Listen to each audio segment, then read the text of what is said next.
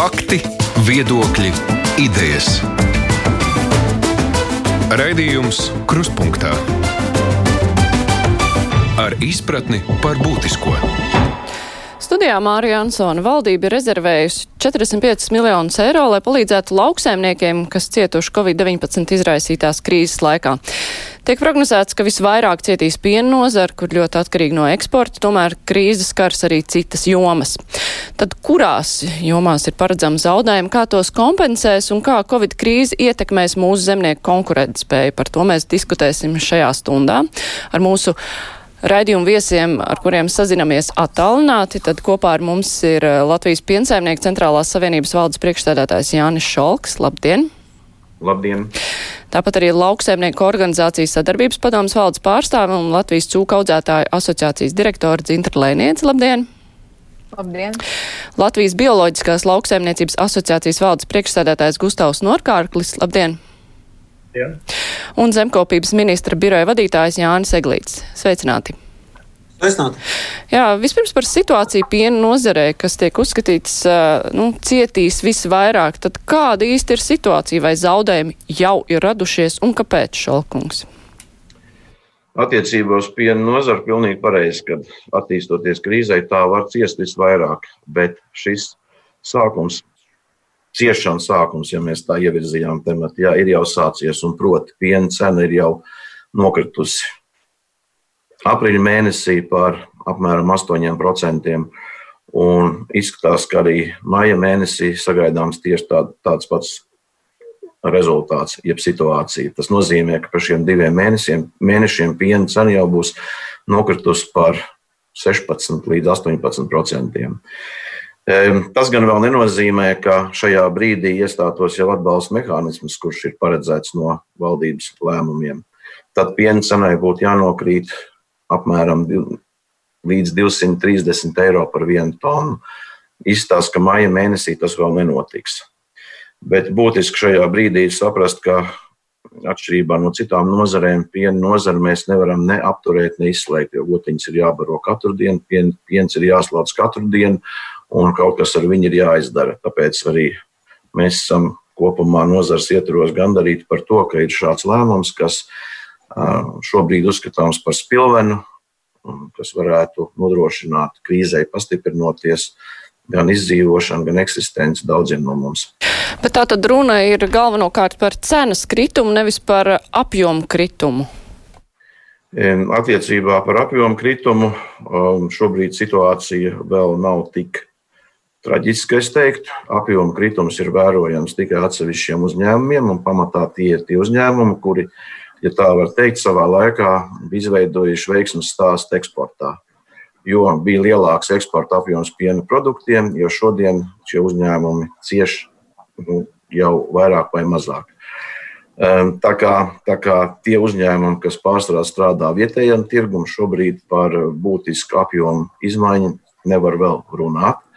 Um, un izskatās, ka arī nākotnē tas varētu saglabāties. Mēs šeit runājam kopumā par piena nozari un viņas atbalstu sistēmu, lai uzturētu gan uh, sākot ar dzīvniekiem, tātad uh, govīm, turpinātu šo sistēmu uzturēt arī ar piena pārstrādi un attiecīgi produktu realizāciju.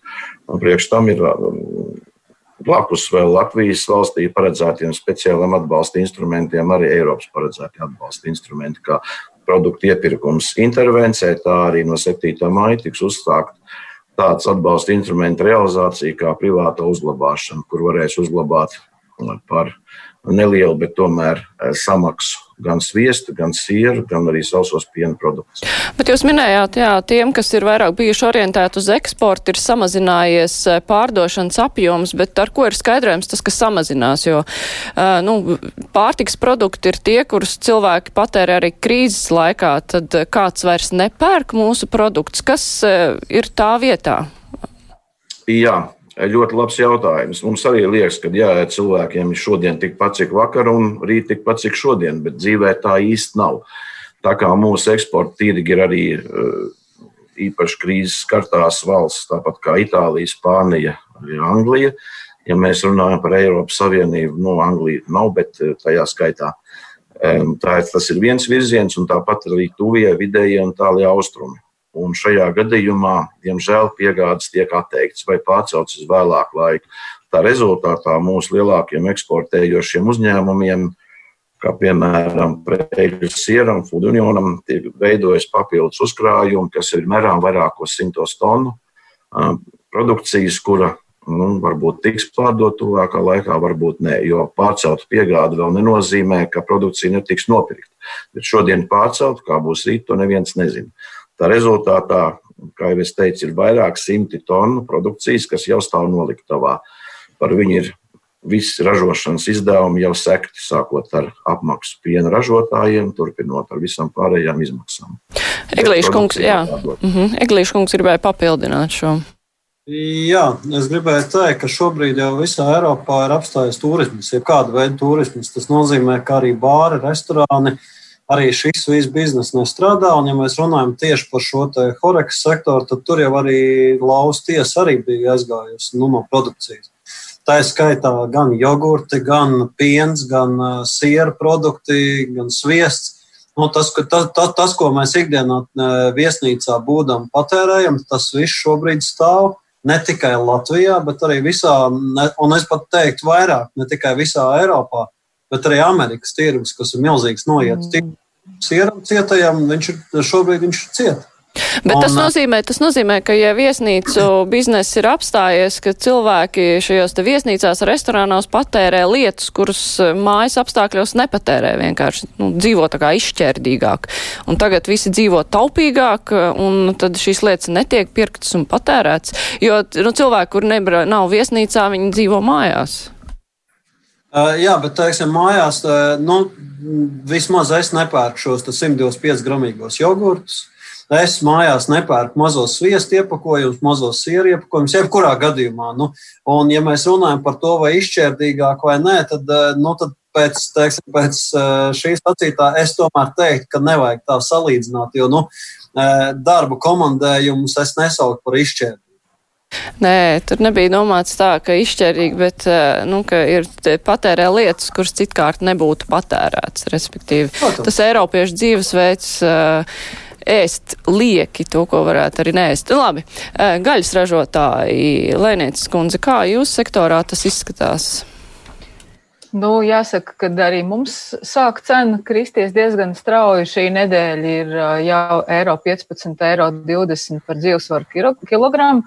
Ja salīdzinām ar šo te uh, veiksmes stāstu, kas bija gada sākumā, kad bija eiro 50, tad, protams, nu, jūs jau to atšķirību uh, jūtat no eiro 50 uz eiro 15. Uh, bet uh, jāsaka, ka uh, mēs joprojām esam kopējais Eiropas tirgus un, un atvērts tirgus, tātad nav nekādas problēmas no citām dalību valstīm atvest pie mums. Jo mēs paši nesaražojam 100% no, no nepieciešamā apjoma, kas ir Latvijas patēriņam nepieciešams.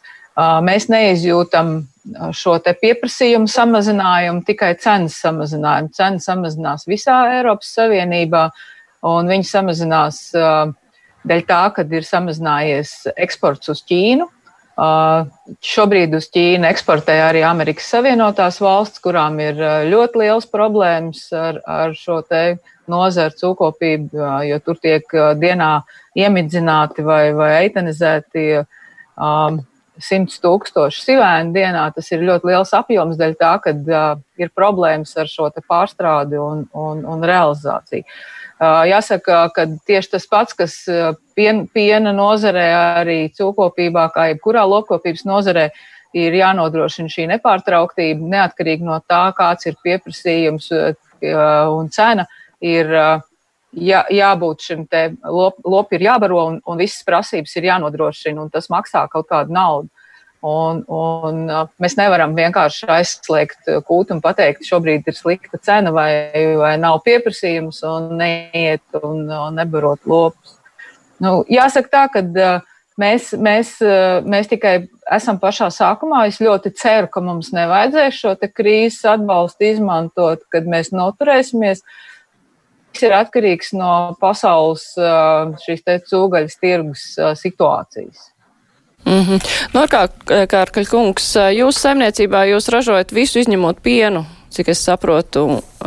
Kā jums, kā jūsu darbu ir ietekmējuši šī Covid krīze? Mm, patreiz saimniecību tik daudz, cik tu esi īstenībā no vienas puses pozitīvi, tāpēc, ka vairāk laika ir atlicis veltīt saimniecības darbiem, nav tik daudz jābūt Rīgā birojā, lai pildītu biedrības pienākumus. Bet tā skatoties kopumā, nu, te jau varbūt ir jāsāk diskusija par to, kā mēs skatot, skatāmies nākotnē, kā mēs veidojam lauksaimniecības politiku. Jā, saimniecības, tas, kas ir jau pasaulē ekonomiski uzsvēruši, neiet uz uh, monosaimniecību, bet dažādot saimniecības uh, ražošanas veidus. Un šajā ziņā man patreiz šī krīze nav ietekmējusi. Jā, starp citu, šodien rītā ved projām uz izsoli lopus, tur ir jāsamazina 10%, bet arī iepriekš tas ir bijis uh, samazinājums tirgus svārstībās, tirgus svārstību normāls samazinājums, reiz tas neietekmē. Uh, gaļas lokopībā tā ietekme būs uh, redzama tad, kad sāksies sezona. Tas būs septembris, oktobris, kad visvairāk lopi būs tiek tirzniecībā. Bet man saimniecībā viss process notiek, sēja notiek, tomāti tiek audzēti, paprika audzēti, dārziņi audzēti, viss, viss pilnā procesā notiek. Vienīgi tā neziņa, kāda būs iespēja rudenī to visu realizēt, tirgot, kāds tas viss process būs, kādas būs cenas, kas būs pircēji. Bet jūsu tirgus ir vairāk vietējais vai jūs tomēr arī eksportējat? Um, gan, gan graudkopība un gaļas lokopība ir eksports, kas ir, jā, un atkal pārējais viss ir vietējais tirgus, mazie tirgi, veikali. Tā. Patreiz man ir mazākā sezonas aktivitāte, aktivitāte rudenī pašam. Bet bažas ir tādas par noieta tirgiem, vai fiziski varēs izvest, vai arī vai būs pircējs otrā galā? Es arī ap, aptaujājām arī zemniekus šīs sarunas. Uh, ir tāda, parasti arī daudzās nozarēs jau pavasarī, pirms kaut ko sāk darīt, slēdz kaut kādas vienošanās, jo saproti, kur tu realizēsi. Un tagad ir tāds process apstājies, ka tu nezini, vai tev būs ticējis. Tāpēc ir tāda mazliet uh, nedrošības sajūta. Bet uh, ir jāmeklē daudz risinājumu, vairāk ar tādu pozitīvu skatu. Jo, tā kā iepriekš minēja, ka cilvēks ēd un ēdīs, un īpaši varbūt tas ēdienu uh, ēdien daudzums nemainīsies. Un, Man tāda aizdoma ir, ka cilvēki vairāk sāks pievērsties vietējai produkcijai, lokālai, veselīgai, vietējai audzētai produkcijai, kas uh, mums arī šajā diskusijā ir īstenībā arī jādomā par to, kā vairāk attīstīt šo nozari. Jo uh, tikko sākās krīze, pirmais, kas visvairāk cieta, kaut gan jau tagad atguvās, ir mazie ražotāji, kas braukāja uz tirgiem. Tas regulārie tirgi bija visā Latvijā, gada tirgi. Tas viss pamatā ir apstājies. Bet uh, patērētāji sapratuši, ka viņi vēlās to produkciju, un tagad viņi ir pārorientējušies un notiek visas tiešās piegādes, un patērētāji iegūst ļoti kvalitīvu pārtiku. Un šeit ir tā nākotnes politika, kā mēs veidojam savu, savu lauksaimniecību un ražošanas attīstību. Mums ir vajadzīgi mazie ražotāji. Bet kopumā, kā jums šķiet, vai ir nepieciešams šis drošības spilvens no valsts puses? Jā, paldies ministrijai, ka viņi tik ātri reaģēja uz komisijas piedāvājumu, ka šādu iespēju var izdarīt. Un, uh, un to izdarīšu varbūt pārāk ātri. Tas viss notika un netika varbūt tik plašāk apspriests par niansēm šiem noteikumiem un kādi atbalsti. Tur varbūt kaut kādas ir nozares izslēgts ārā, kurām varbūt arī vajadzētu uh, šo atbalstu. Bet tur jāskatās, tur ir uh, dažādi atbalsti. Tur ne tikai ir piena lokopība, bet tur ir iekšā ielikti, kas īsti divu veidu atbalsti, kas nav saistīti ar, ar, ar krīzi un covid. Tur ir drīzāk citas intereses bijušas. Bet kopumā jā, mēs attiecībā uz pienu un, un, un, pienu un pārstrādi šie, šie atbalsti, kas ir pilnīgi izveidots, ir ļoti labs. Jūs varētu paturpināt, kādas citas intereses ir bijušas? Varbūt Eglīša kungs, Eglīta kungs varētu pateikt, kas, kas tur vēl papildus nāca klāt, ja desmit miljoni. Kāds pamatojums bija apdrošināšanas prēmiju samaksai un, un, un kredītprocesu dzēšanai saistībā ar krīzi. Jo februāra mēnesī mums bija divas augsta līmeņa sanāksmes uzraudzības komitejā, kur mēs nolēmām, ka apdrošināšanai finansējumu nevajadzēs klāt. Jā, bet iestājoties šiem Covid apstākļiem, mēs esam saskārušies ar situāciju, ka arī lauksaimniecības sektorā krītā šis apgrozāmo līdzekļu daudzums saimniecībās, un tieši tāpēc ir šis atbalsts gan par apdrošināšanu, lai sējums var apdrošināt, lai vasarā varētu pasargāties gan no karstuma, gan no šīm lietavām, gan uh, no laikapstākļiem. Un tieši tāpat arī kredīta procentu dzēšana, lai vairāk līdzekļu šobrīd paliktu saimniecībās, lai saimniecības varētu nodrošināt savu šo darbību finansiāli. Mēs nevaram skatīt tikai šodien, un tikai uz savu piemēru. Mums ir jāskatās uz šo kopējo zīmējumu. Un, ja runā, par, ja runā kopumā par saimniecībām, tad šobrīd ļoti lielā, ļoti, ļoti lielā daudzumā nāk informācija. Kā piemēram, tie paši sēklu piegādātāji, viņi prasa jau vairs nevis pēcapmaksu, kā tas ir bijis līdz šim, bet viņi prasa priekšpakāpes. Tam ir vajadzīgi līdzekļi. Nu, fiziski vajadzīga nauda, lai varētu iegādāties laika, laiku, laikus gan šos te, uh, graudus, gan auga aizsardzības līdzekļus, gan uh, virkni citas lietas, par kurām teiksim, mēs varbūt tādā nu, ikdienas, do, ikdienas skrējienā pat nemaz neiedomājamies. Bet, ja drīkst, tad mm -hmm. uh, apdrošināšana jau tas jau tikai uz rudeni būs, un tur vēl jāmaina noteikumi. Tas būs ļoti vēl. Tā nauda mums neienāks tik ātri. Un apdrošinot uh, sējumus, uh, mēs pēdīgi nebūsim.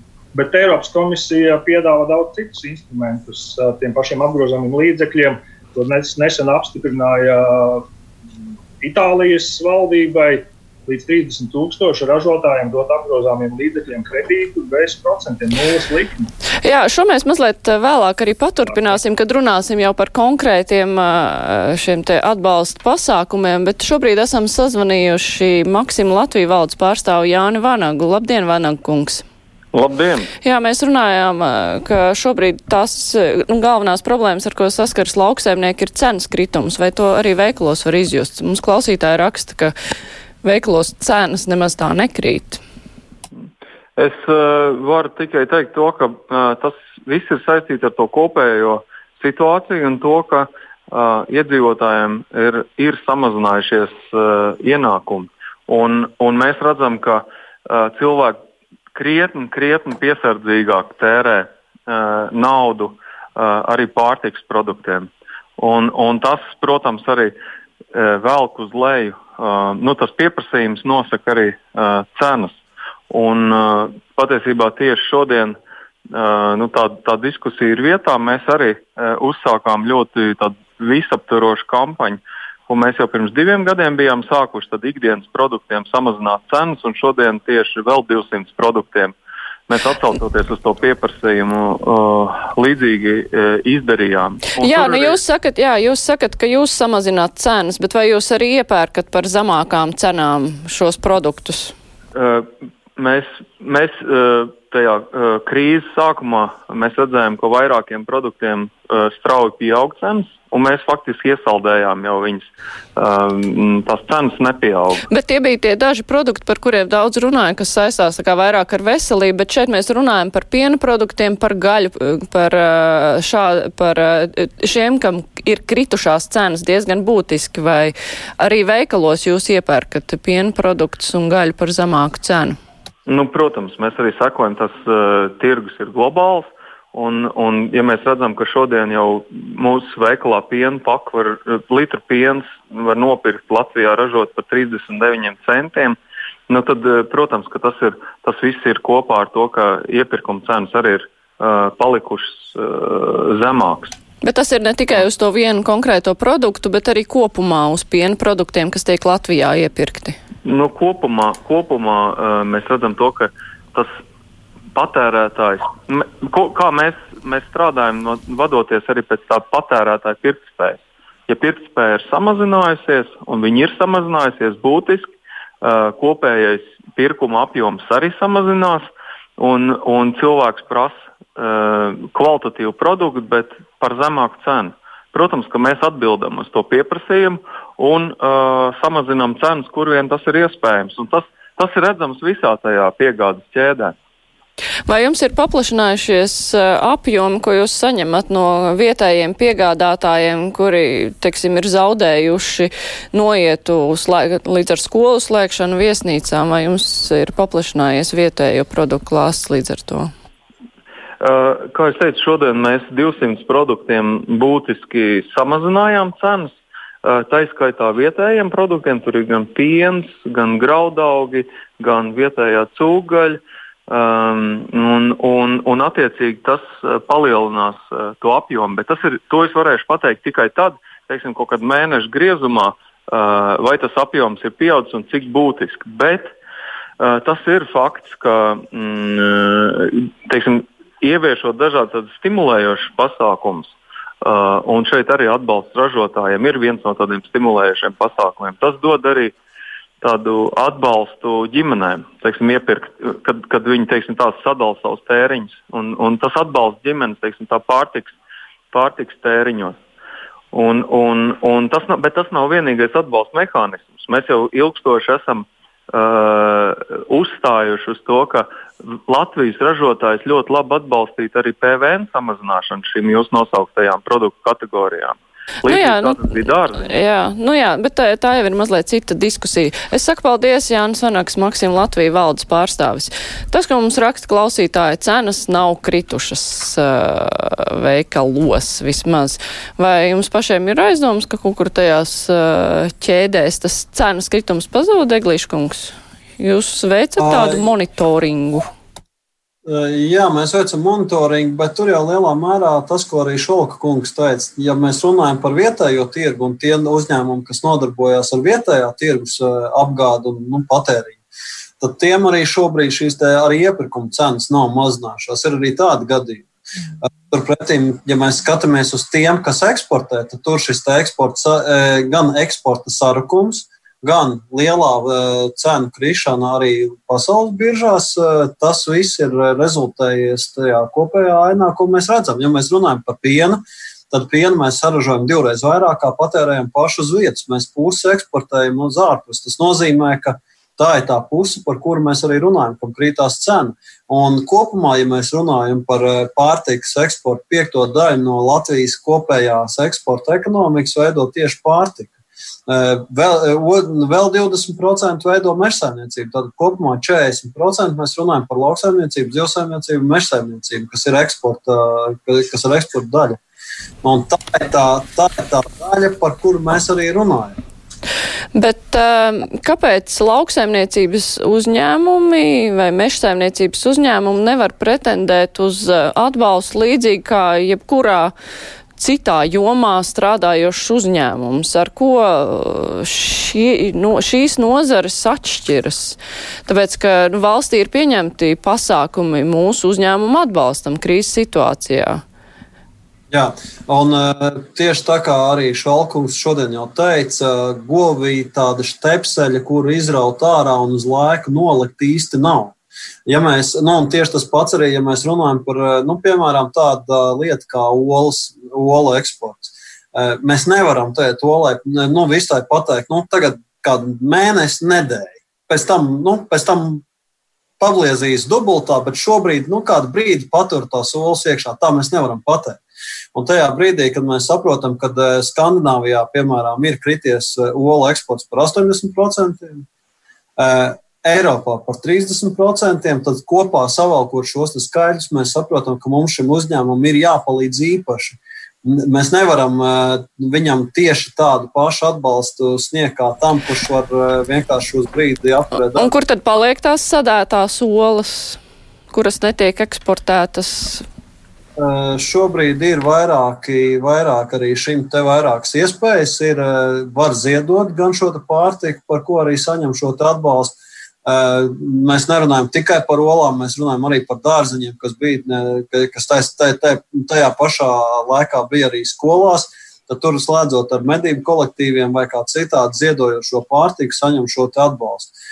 Svarīgākais ir tas, lai šie uzņēmumi turpinātu strādāt, un tajā brīdī, kad mums viss atsākās, kad mums šī Covid krīze uh, ja nebeidzas, tad vismaz iestājas viņā kāds pārtraukums, jo runā par otro vilnu rudenī.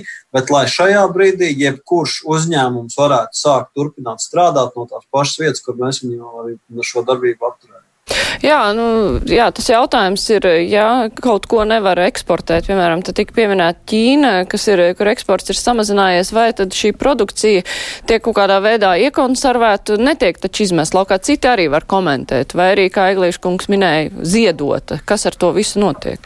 Ir, ir, ir ļoti laba Eiropas uh, savienībā ir šī privātā glabāšana. Tad, kad ir šādi krīzes momenti, kā šajā brīdī Šalkungs jau minēja par šo privāto glabāšanu sausajam pienam, sviestam un sieram, tieši tāds pats ir no 7. maija. Man šeit ir dokuments no Eiropas komisijas, kur no 7. maija ir arī lielopu gaļai aitu un kazu gaļai šī privātā glabāšana. Respektīvi, tas no, nozīmē to, ka nosacīti liekā gaļa, kas ir šobrīd tirgū, tiek izņemta uz laiku līdz, līdz manuprāt, līdz 5-6 mēneši no tirgus apgrozības, un par to vēl samaksā subsīdijas. Un tieši tādu pašu mēs uh, esam uzrakstījuši no uh, visām Eiropas dalību valstīm nevalstiskajās organizācijas Eiropas komisijai ar lūgumu tieši tādu pašu schēmu iedarbināt arī cūgaļai. Un tas palīdz. Nu, tā glabāšana notiek saldētā veidā, cik es Jā. saprotu. Nekas ārā netiek mests. Un, uh... Jā.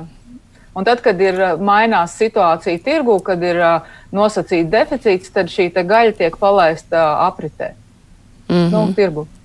Mm -hmm. Un līdzīgi var teikt arī par piena produktiem. Ja mēs runājam konkrēti par sauso vāju pienu un sviestu, tas jau šobrīd ir mm, pārdodams intervencijai. Tas ir īpašs Eiropas atbalsta instruments. Kur uh, Eiropas komisija samaksā zināmu cenu. Protams, viņi var spriest, vai viņa ir augsta vai zema, bet nu, šāda iespēja ir. Līdz ar to nekāda piena litrs vai kilograms netiek nekur izmests un nepārstrādāts. Viss piens tiek pārstrādāts.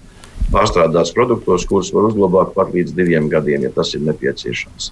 Un tajā brīdī, kad situācija ir eh, normalizējusies, tad attiecīgi Eiropas komisija ar šo produktu kaut ko dara. Un nevienmēr tas nozīmē, ka Eiropas komisija šo iepirkumu ne tikai no Latvijas, bet no visas Eiropas Savienības dalību valstīm um, pārdot tirgu. Ja, jo, protams, ir bīstamība, cik viņš ir daudz un kā tas var ietekmēt kopējo tirgus situāciju arī vēlāk.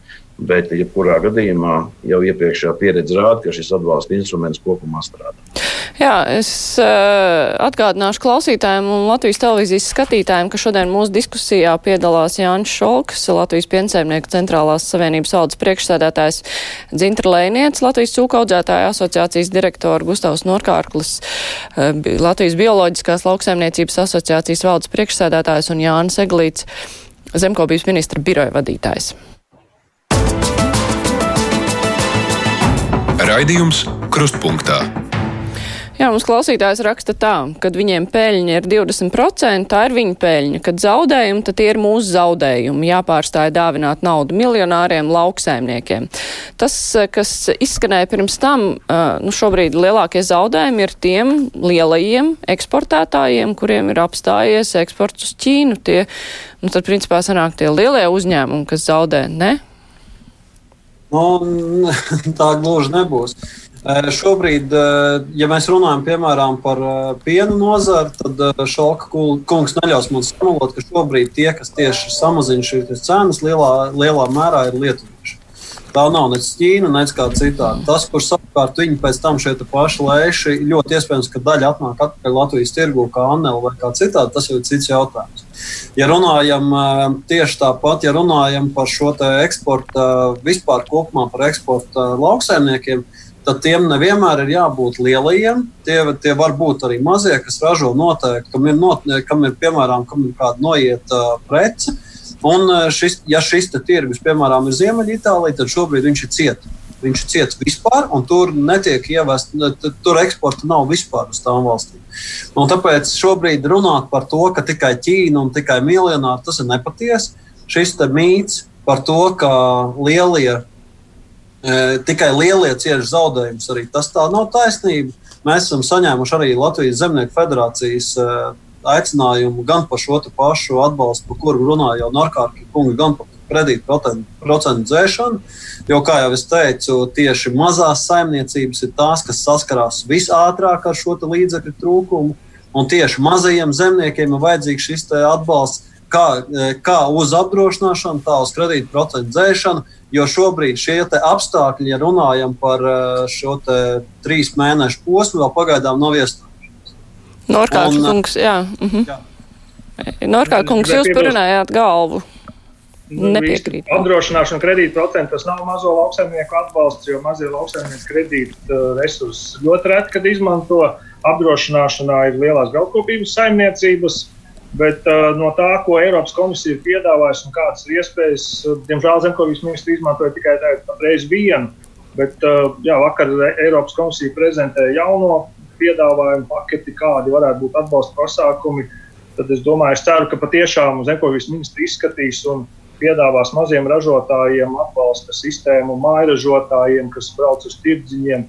Šajā sistēmā un lauka attīstības programmā var ieviest dažādus pasākumus, gan mobīlos transporta līdzekļus, lai varētu vadīt produkciju, gan arī atba dažādi atbalsta mehānismi, ko var izmantot. Un šie 5 miljoni, kas bija apdrošināšanai lauka attīstībā, jo Latvijā lauka attīstības programmas finansējums viss ir jau izlietots, respektīvi, pasākums ieviest jaunas nevar. Apdrošināšanai 5 miljoni atradās. Jautājums, vai tagad to, ko Eiropas komisija piedāvā līdz 5000 eiro atbalstu mazajām saimniecībām, maziem ražotājiem, vai jūs šādu pasākumu ieviesīsiet?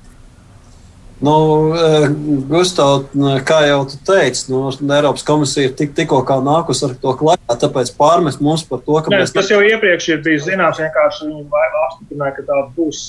Uh, šobrīd pie šiem atbalsta attīstības programmā jau iepriekš jau Eiropas komisārs ļoti aktīvi Twitterē. Jums vajadzētu pamācīties no viņa, kā viņš strādā, kā viņš aktīvi strādā pie tā, kādas pasākumas vajadzīgas ieviest. Un vairāk informāciju par atbalsta mehānismiem, pasākumiem Eiropā, ko citas valsts ievieš, sniedz Eiropas komisija. Mums tā komunikācija diezgan vāja ir. Varbūt tomēr vajadzētu aktīvāk parādīt, kādas iespējas var un ko var izmantot un ko varētu dot maziem ražotājiem. Šis, šī, šajā laikā. Nu, var, varbūt, Gustav, varbūt, Gustav, ja nav informācija par to, ka tieši pagājušā mēnesī visu 27 Eiropas Savienības valstu ministri eh, uzrakstīja kopīgu vēstuli Eiropas komis, eh, gan Eiropas komisāram, gan Eiropas parlamentam par to, ka nav nekāda atbalsta mehānisma nenāk tieši no Eiropas Savienības. Eh, tad tajā brīdī arī šie visi mehānismi sāka darbināties. Un, ja runā par iepriekšējo atbalstu, tad mēs pie viņiem strādājam līdz viņa apstiprināšanai. Mēs jau iepriekš strādājam aptuveni mēnesi. Un šobrīd, ja, ja, ja tagad uh, Eiropas Savienība ir nākusi klajā ar jaunu priekšlikumu, tad mums viņš no sākuma ir jāizvērtē, ir jāsaprot, ko tas viss maksā.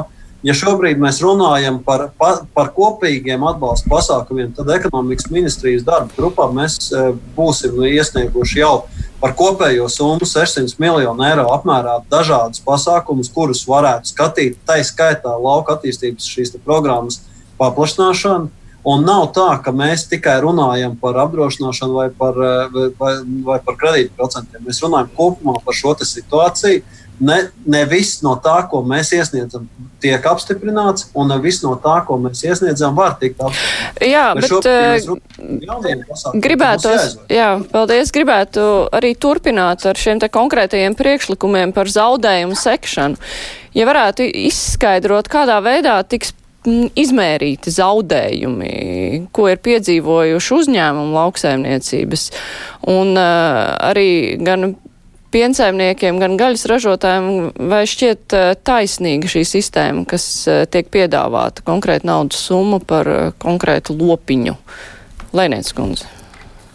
Nu, ja runājam par cūkopības nozari, tad uh, pirms, pirms vispār tapa šāds pie, piedāvājums, tad uh, ar nozari zemkopības ministrijas pusi uh, izdiskutēja, un, un uh, mēs savus priekšlikumus uh, devām uh, izējot no tās uh, situācijas, kādu mēs modelējam, kur varētu būt šie reālie zaudējumi, kas ir uh, pārdodot zem pašizmaksas tieši nobrojumos cūkus. Tieši tāpēc arī ir par uh, nobrojamo cūku. Uh, cits jautājums par summām. Mēs neviens nezinām, kā situācija at attīstīsies un cik ļoti nokritīs. Un man ļoti negribētos šo scenāriju izspēlēt dzīvē. Bet, uh, manuprāt, ir adekvāts šis piedāvājums. Uh, Uh, viņš varētu būt, protams, niansētāks, vēl, bet, bet es saprotu, ka, uh, ka tas, kas, uh, ko man arī Eglīša kungs telefons sarunā ir apliecinājis, ka jā, tiks izvērtēts katras saimniecības situācija, nevis vienkārši dalīts uz nozari. Un tas, manuprāt, ir pareizi, jo nevienmēr ir tā, ka uh, visi ir zaudētāji. Un šajā gadījumā es uh, negribu piekrist Gustavam, jo, jo uh, ja godīgi, tad šobrīd mazās saimniecības ir uh, privileģētākā situācijā, jo viņām, viņas ir fleksiblākas no tā viedokļa, ka viņām ir iespēja ar savu produkciju, visu produkciju aiziet uh, tiešajā tirzniecībā vai vai piedāvāt, tad lielajiem nav tādas iespējas. Viņi nevar tos apjomus uh, norealizēt ne, ne mājražošanā, ne arī šajā sestdienas tirdziņā. Un tā ir starpība. Un, un, ja mēs runājam par, tieši par vietējām, mums ir ļoti daudz uh, cūkaudzēšanas saimniecības, kurām ir arī savu kautu un arī pārstrādu un veikalu.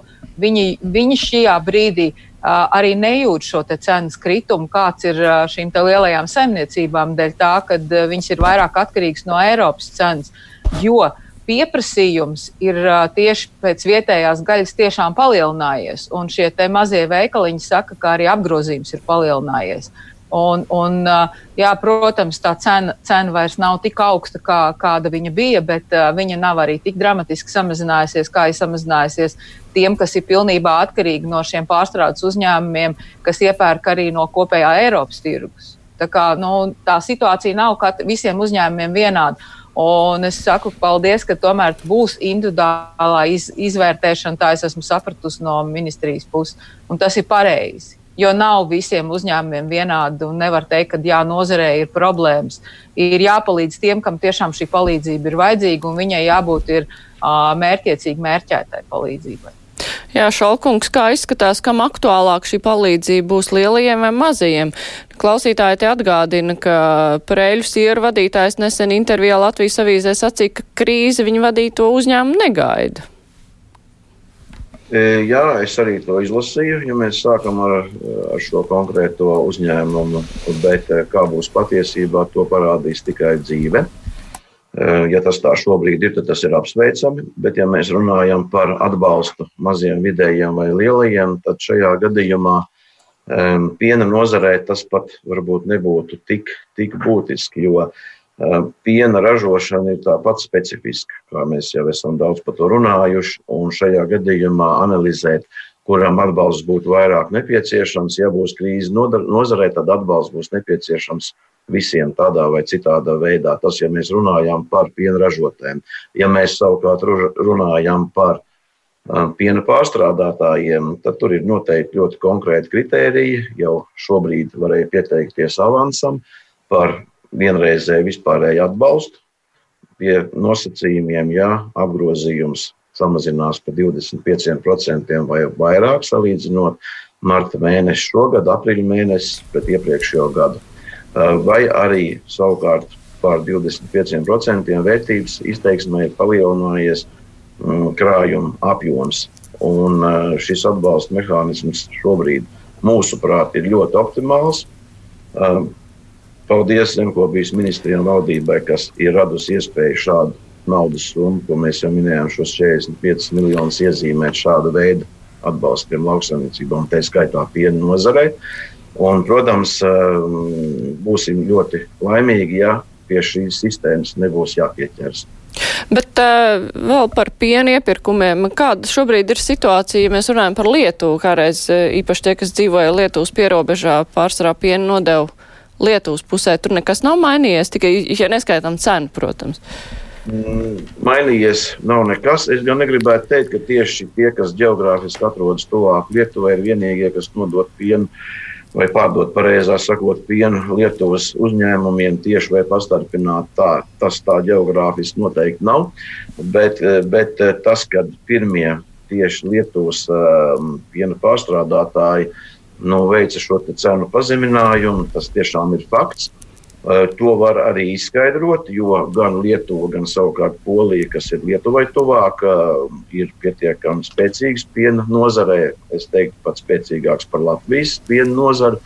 Un viņi gan geogrāfiski šajā vietā, gan arī pasaules tirgus situācijas kontekstā nosaka šo konkrēto cenu. Jā, viņi bija tie, kur iesāka, bet uh, Nu, tas šobrīd nenozīmē, ka viņiem to var pārmest. Jo situācija tā vai citādi ir nonākusi tādā stadijā, kad piena iepirkuma cena ir diemžēl jāsamazina. Tā ir sliktā ziņa, bet tas ir fakts. Jā, klausītājiem ir radušās aizdomas, ka atbalsts ir paredzēts jau tā papildu subsidētām saimniecībām, Norkārtkungs. Vai ir pamatotas šādas bažas?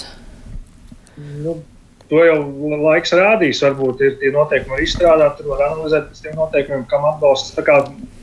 Domāts, ir, kam ir 20% samazinājums apgrozījumā noteiktā periodā un atbalsts par uh, piena govu tiek samaksāts. Nu, tur grūti pateikt, varbūt tur ir saimniecības liela vai maza vai pārsubsidēta, bet patreiz, man liekas, jau saku, mazliet sasteigts šis uh, piedāvājums. Es atbalstu, ka tādam vajadzētu būt. Protams, tā nauda nāk kaut kur aizņemta, tā būs visiem nodokļu maksātājiem kādreiz jādod. Uh, man liekas, vajadzēja plašāk ar sabiedrību izdiskutēt par šo atbalstu drošības spilvenu lauksaimniekiem, kam viņš patiešām vajadzīgs. Un vēl nebija arī tik steidzams, ka vienas, divas dienas laikā jāsaskaņo ar lauksaimnieku organizācijām dažām un, un jāvirza tālāk šie noteikumi. Tā kā, ir daudz dažādi vēl citi instrumenti, ko es iepriekš arī minēju, ko var izmantot, varbūt, kas veicinātu varbūt saimniecībām nepaļauties uz to, ka nosubsidēs šādā veidā, tev vienkārši iedos naudu, bet tā kā Itālijā to, ko pieņēmā, ir aizdoms līdz 30 tūkstoši eiro, lai saimniecība tiktu galā ar šīm uh, problēmām, skatoties nākotnē, varbūt jā, tiešām papildus dot finansējumu, ir subsidēt varbūt kaut kādus uh, darbinieku algas, kur izmanto daudz darba spēku saimniecībās, ļoti dažādi citi instrumenti, varbūt, kas neietekmētu valsts budžetu un nevajadzētu tik daudz iztērēt un mēģināt atrisināt. Visnībā mēs neesam pieskārušies vēl vienai lietai. Šeit, ko mums saimniecības minēja, viens ir finansiāls, bet otrs ir, teiksim, tā pašā, ko mēs minējām, ka govi jau neapturēs. Un, un, ja notiek kaut kāda saslimšana kādā saimniecībā ar darbiniekiem, tad kas notiksies? Un, kā palīdzēt saimniecībai risināt šo jautājumu, ka nebūs slaucēji, kas atnāk, izslauc govis, kā, kā šo procesu nomanģēt. Drošība, tas tā pašā piena pārstāvs uzņēmums, tur būtu ir tur ir speciālisti, kas par to rūpējas, bet saimniecībām šis ir ļoti, ļoti svarīgs. Un, ja nebūs laucēji, nebūs lopkopēji, kas notiks ar šo saimniecību? Tas diezgan arī riskants posms, kuru vajadzētu ņemt vērā. Tagad varbūt ministrijā nāk palīgā un risināt šo jautājumu, ja, ja šī infekcija, šī vīrusu slimība izplatās un skar kādu saimniecību Pie, tā, pie tam, ja kādu lielu saimniecību ir daudz nodarbināto, šis ir ļoti svarīgs. Jā, Lēnītis kundze grib papildināt. Es gribu, jā, es gribu mazliet atbildēt. Mēs, cik mums, mums šāds jautājums radās jau pašā sākumā, tikko sākās šī Covid krīze, mēs, es personīgi sazvanīju veterināru medicīnas fakultātes dekānu. Un mēs vienojāmies, ka nu, tāda krīze būs, tad šie veterināri medicīnas studenti ir gatavi iesaistīties un nākt palīdzīgā lopkopības saimniecībām. Jo, šie, jo tas ir skaidrs, ka nevar uh, ielaist fermā cilvēku, kas neko nesaprot no lopu aprūpes. Un šie veterināri medicīnas studenti ir mācījušies diezgan ilgi mācījušies, un viņiem ir šīs pamatzināšanas. Un uh, dekāns ap, apliecināja, ka jā, viņi ir gatavi veidot šādas komandas, ja gadījumā iestājās šis te, uh, uh, X faktors un, un, un ir šī situācija, kad uh, saimniecībā ir vairāk covid uh, sli, slimi cilvēki un nespēja nodrošināt šīs pamatfunkcijas, pa, pabarot lops un izslaukt, tad viņi ir gatavi nākt palīgā. Tā kā es gan arī pārējām nevalstiskām organizācijām šo informāciju biju iedevusi. Mm -hmm. Tā ir tāda labā ziņa, kā drošības pilvens arī šajā ziņā. Ja, ja, ja nu gadījumā kas, tad arī topošie speciālisti ir gatavi nākt palīdzīgā. Jā, jautājums eh, arī ministrijas pārstāvim, vai iespējams, ka šie noteikumi tomēr tiks ar kaut ko papildināti. Vēl klausītājs norāda, ka zemkopības ministrijas atbalsts par lielopiem ir diskriminējošs, jo neaptver visu sektoru. Saimniecības, kuras nobaro piena šķirnes teles, nekādu atbalstu nesaņēmis. Viņam ir konkrēts Jā. piemērs, eh, kur būs problēmas, bet atbalsta nebūs. Ir iespējams kaut kādi papildinājumi. Jā, protams, bet es mazliet gribu atgriezties pie iepriekšējā jautājuma, ko Markārkļa kungs pacēla. Ir tā, ka tik, tikko sākoties šai krīzē, tika ministrijā izveidot arī krīzes vadības grupu, kur šos jautājumus mēs skatām. Arī šis jautājums ir bijis, arī šo jautājumu mēs esam runājuši arī ar šo pašu veterināru medicīnas fakultāti. Un, uh, mums ir, mums ir gan notiek šīs tas, sanāksmes neklātienē, šādā pat formātā, gan arī ir izveidota WhatsApp grupa ātrai ziņu apmaiņai. Un tikko kā kāds jautājums paceļās nozarē, tā uzreiz tiek risināts. Un šobrīd arī, ja mēs runājam par šiem pašiem noteikumiem, tad, protams, ka viņi tiks, viņi tiks skatīti, viņi tiks pilnveidoti. primāri, kas bija svarīgi, un te gan es negribu piekrist Norkārta kungam, svarīgi bija tas, ka parūpēties, lai šāds spilvens būtu, jo, mēs, jo es vēlreiz atgriežos pie tā, ka šī situācija katram individuāli ir stipri atšķirīga. Vienam tie, kas patērē uz, vien, uz vietas, nu, piemēram, nu, vislabāk, visvairāk ir tieši šī informācija par piena cenām. Tad par to arī var runāt. Šobrīd dalūksnes pusē daļai mazo zemnieku piena cena ir 17 2,5 centi par litru piena. Kas ir krietni mazāk nekā, teiksim, nekā tiem, kas patērē uz vietas un tirgo. Tāpēc eh, mums šobrīd primāri ir jādomā, kā, kā nodrošināt, lai mazās un vidējās saimniecības izdzīvot. Mums ir jādomā par to, kā atbalstīt e, lauksaimniecības sektoru kopumā, jo ja mēs runājam par šo pašnodrošinājumu, un nākotnē ir vien vairāk šā, šī krīze parāda, ka mums jādomā, kā simtprocentīgi nodrošināt vietējo tirgu ne tikai ar pienu, bet arī ar cūgaļu, arī ar dārziņiem, arī ar kartupeļiem, bietēm, sīpoliem, tipokiem un vispārējo. Un tieši tāpēc arī šobrīd eh, bija svarīgi izveidot šo drošības plānu, ko mēs arī no savas puses esam izdarījuši. Bet, ja mēs runājam par uh, Covid sekām un, uh, teiksim, sezonas strādniekiem, vai tur arī ir apzināts visas iespējamās problēmas, jo, nu, tur, kur ir daudz sezonas strādnieku, kur dzīvo varbūt kopā, kas teikt epidemioloģiski uh, šķiet, nu, nepareizi, vai par tādām lietām arī tiek domāts, un kā tad tiks organizēti, piemēram, darbi vasarā. Tajā skaitā arī vai būs uh, viesstrādnieki, kur citkārt ierodas, bet šajā gadā varbūt neieradīsies, vai tos meklēs uz vietas, jo sezonas strādnieki, Jā. kas ir cilvēki, kas zaudējuši darbu, varbūt viņiem būs izdevīgāk uz Vāciju tomēr mēģināt tikt strādāt, nevis, piemēram, Latvijā uz vietas. Nu, par to esat domājuši? Jā, mēs, šo, mēs esam par to domājuši, un ekonomikas ministrija šajā darba grupā esam iesnieguši virkni priekšlikumu, kur viens no uh, priekšlikumiem ir īpašs nodokļu režīms šiem sezonas laukstrādniekiem, paplašinot to attiecināmību uz visu lauksaimniecības sektoru, pielāgojot citu nodokļu režīmu, padarot šo režīmu daudz, daudz vieglāk administrējamu, vieglāk arī gan saimniekam, gan arī šim darba ņēmējam nodrošinot šos ienākumus tādā apmērā, lai viņš varētu saņemt šeit cilvēku cienīgu atalgojumu. Bet eh, par epidemioloģisko drošību to, lai domā katra saimniecība atsevišķi. Uh, šobrīd ir noteikti noteikumi, kas ir jāievēro katrai saimniecībai. Un tajā brīdī, ja, mums, uh, ja mēs ievērosim šos noteikumus, ja mēs ievērosim uh, šo principu divreiz divi, ja, mēs, ja, ša, ja šajā saimniecībā šie cilvēki dzīvo teikt, nu, noslēgtā, noslēgtā vidē, tad visam vajadzētu būt kārtībā. Mm -hmm.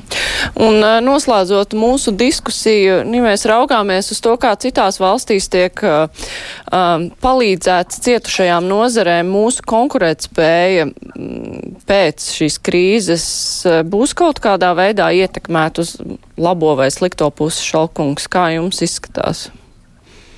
Protams, ka uh, uz slikto pusi. Bet kurš būs ieguvējis? Kurš būs ieguvējis, jo, ja kādam ir slikti, kādam kļūst labāk, iespējams. Nu, vai šis princips vismaz piena nozarē e, šoreiz nestrādās, jo mums ir svarīgi saglabāt šo te, sauksim to varbūt e, saprotamā veidā par tādu kā piena asinsriti, lai gan no piena ražotāja līdz pat um, gatavam produktam. Viss tas, kas ir sasniegts, sākot ar cilus darbu, ar piena kvalitāti, ar produktu ražošanu un investīcijām, dažādu produktu izveidē, kā arī eksporta atbalsts, lai tas viss nu, nepazust nekur. Jo eksporta tirgus ir viegli pazaudēt, kas daļēji jau ir noticis, bet būs grūti atgūt. Tāpēc mums noteikti būs jārunā arī par dažādiem atbalsta mehānismiem, gan par eksporta atbalstu, gan par atbalstu vietējai produktu ražošanai un popularizēšanai, tāpat arī iespējams par investīcijām gan pārstrādē, gan piena ražošanā Un, protams, atgādinam arī par PVN 5% pieejamību. Nu jā, bet, bet jautājums, ja mēs zaudējam kādus eksporta tirgus šīs krīzes rezultātā, tad kurš var pārņemt to mūsu vietu, kurš ieņem? Tas var būt jebkurš, sākot ar Lietuvu, Igauniju, Poliju un jebkuru citu pasaules valsti. Ja mēs pat skatāmies, tie vienmēr bijuši mūsu konkurenti un ļoti aktīvi gan Latvijas tirgu, gan arī eksporta tirgos. Un tiekoties kaut vai izstādēs vai jebkurās citās eksporta aktivitātēs, mēs, eh, mums nav nekādas draudzības. Mēs esam vienkārši konkurenti. Tas ir reāls bizness, kurš nekur nav pazudis un nepazudīs. Ar to mums būs jārēķinās arī nākotnē. Bet tā doma tāda, ka šī krīze būs beigusies, tad nāksies pa jaunu iekarot savu vietu lielā mērā. Daļēji noteikti. Mm -hmm. Bet cik lielā mērā to nezinu neviens šobrīd. Mm -hmm. Kā pārējiem izskatās? Man jau izskatās, vairāk jau tomēr, nes vairāk teikt runāt, pats sākums tagad ir droši vien tās sekas vēl būs ilgu laiku uz priekšu jūtamas un droši vien dažādas arī manipulācijas tirgu notiks. Bet man jau tomēr tāds rosinājums ir Patreiz notiek diskusijas par kopējas lauksaimniecības politikas stratēģiju izstrādi Latvijā. Ļoti svarīgi, kā mēs to lauksaimniecību sev attīstīsim. Jo, lai mēs būtu, jo krīzes visu laiku ir bijušas nāk, un mēs vienmēr ciešam vissmagāk Latvijas šajās krīzēs. Un tad ir tāds aicinājums patiešām mēģināt to stratēģiju izstrādāt tik ilgspējīgi, lai mēs šādās krīzēs nebūtu tik liela cietēja un tiktu paši galā bez, bez kaut kādiem ārējiem palīdzībām, valsts subsīdijām. Un, un pašpietiekami būtu. Un kā Lēnietis kundze minēja iepriekš par, par mazie ražotāju elastīgi, jā, viss kārtībā notiek. Mēs esam aptaujājuši tiešā tirzniecībā, viņi strādā, atraduši jaunus risinājumus un varbūt tik traki neskars tā krīze. Un tad mums jādomā, kā, kas mums Latvijā ir svarīgi. Veidojam lielus riskantus uzņēmumus, kas cieš šādās krīzēs, un ļoti daudz tam finansējums jāiegūt, vai tomēr attīstam pietiekoši spēcīgus, mazus, daudz uzņēmumus, kas varbūt krīzēs tikpat neietekmē. Mm. Es gribēju piebilst tikai to, ka nu, šī krīze parādīja, ka mums jābūt pašpietiekamiem, un tas ir tas mūsu atslēgas vārds. Vismaz gaļas nozarē, ka tas būtu tas, nu, ja mēs spētu visas šīs lauksaimniecības nozars, nozars pilnībā nodrošināt savus iedzīvotājus ar pašražoto. Tas ir tas, ko es redzu nākotnē, un varu piekrist Gustavam, ka jā, mums ir jābūt. Uh, varbūt ne, ne pēc apjoma, bet spēcīgiem nav nozīme lielumam, bet ir jābūt šim te uh, ekonomiskajam spēkam, gan, gan ja tu, tu vari eksportēt un arī apgādāt uh, šos te tirgus un tā fleksibilitāte un spēja pieņemt jaunus izaicinājumus pie dažādiem šiem te krīzēm ir ļoti būtisks. Un, un, un man jau gribētos teikt, ka, ja runājam par, par manu cūkopības nozari, kad, kad tad šiem nākotnes politikas mērķiem ir jābūt tādiem, kas atbalsta, atbalsta šo pašnodrošinājumu, un, un lielāks uzsvers jā, jāliek tām nozarēm, kurās līdz šim nav bijis dažādu tieši ekonomisku apsvērumu dēļ šis 100% pašnodrošinājums. Jā, jebkurā gadījumā arī šī krīze, protams, liks daudz ko mācīties. Un, protams, ir jāraugās arī, kā savējos atbalsta citās valstīs, lai mēs nebūtu tie, kas iepaliek un pēc tam paliek zaudētāji. Es saku paldies. Mūsu diskusijā šodien piedalījās Jānis Šolks, Latvijas piensēmnieku centrālās savienības valdes priekšsēdētājs, Dzintra Lēniec, Latvijas cūka audzētāja asociācijas direktora, Gustavs Norkārklis, Bioloģiskās lauksaimniecības asociācijas valdes priekšsēdētājs un Zemkopības ministrs ministra biroja vadītājs Jānis Eglīts. Rīt kruspunktā runāsim par satversmes 81. panta principu atjaunošanu, kādu tur ir riski, vajag vai nevajag. Raidījums šodien ar to arī izskan, to producēja Evi Junām, studijā bija Mārija Ansona. Vislab, mēs tiekamies arī rīt. Fakti, viedokļi, idejas. Raidījums Kruspunkta ar izpratni par būtisko.